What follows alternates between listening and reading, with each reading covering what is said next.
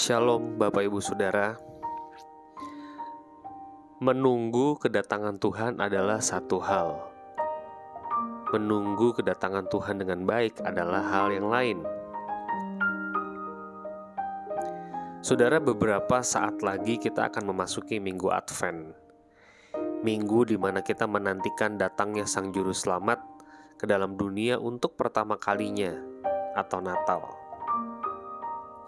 Bukan tidak mungkin kita sebenarnya menantikan kedatangan Yesus yang kedua kali secara sekaligus.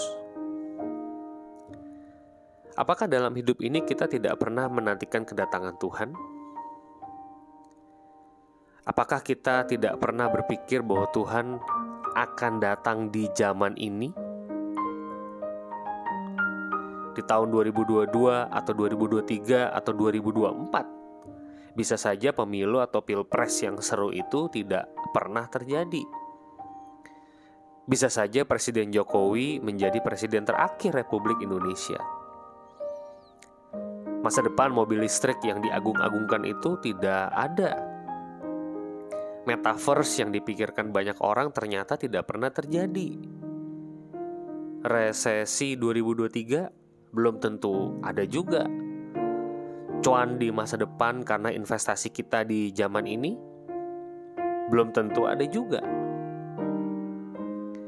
Kalau kita benar menantikan kedatangan Tuhan yang kedua kali, kita akan sungguh-sungguh bersikap dalam hidup di dunia yang sementara ini. Kita bukan hanya berolahraga, tapi kita juga berolah jiwa. Saudara perhatikan Yakobus pasal 5 ayat 7 dan 8. Karena itu saudara-saudara bersabarlah sampai pada kedatangan Tuhan. Sesungguhnya petani menantikan hasil yang berharga dari tanahnya dan ia sabar sampai telah turun hujan musim gugur dan hujan musim semi. Kamu juga harus bersabar dan harus meneguhkan hatimu karena kedatangan Tuhan sudah dekat. Petani sabar, mengapa? Karena ia tahu cepat atau lambat ia akan menuai hasilnya. Kita tidak tahu kapan Yesus datang, tapi cepat atau lambat kita akan berjumpa dengan Yesus. Ya kan? Apakah kita tidak pernah mengharapkan hal ini? Tapi saya rasa kita memiliki perbedaan dengan petani. Kita nggak sekedar menunggu. Perhatikan ayat yang ke-9.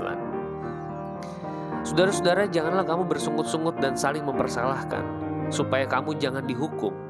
Sesungguhnya hakim telah berdiri di ambang pintu. Wow, kita sedang menunggu hakim di ambang pintu.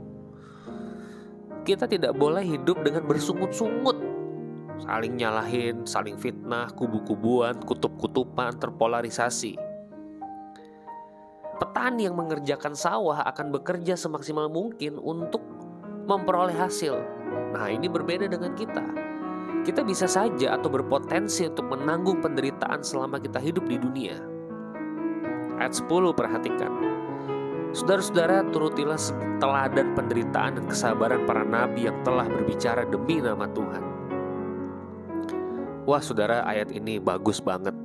Artinya, penderitaan para nabi tidak mengurangi tajam dan kerasnya berita firman Tuhan. Kita perlu memikirkan hidup kita hari ini. Apa yang paling mendrive kita? Apakah kita masih memikirkan perjumpaan dengan Yesus? Atau kita menyepelekan perjumpaan dengan Yesus? Yakobus 5 ayat 11 mencatat bahwa Allah kita penuh belas kasihan kepada umatnya. Ia siap memberikan berkat terbesar yang ada di jagat kehidupan ini. Kehidupan kekal bersama dengan Allah. Tidak ada sukacita yang lebih besar dan tidak terbayangkan.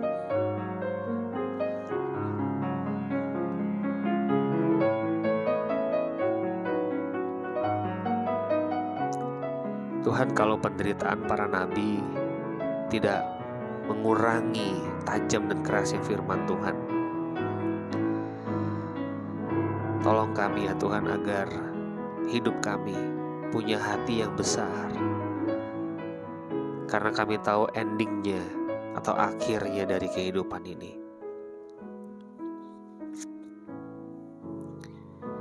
Bapa bantu kami sebagai umat menjaga hati kami, supaya tidak mudah terdistraksi dengan hal-hal sepele yang tidak penting sama sekali. Kami mohon belas kasihan Tuhan. Kami sungguh memohon kepada Tuhan. Dengarlah doa ini ya Tuhan. Dalam nama Yesus kami berdoa. Amin.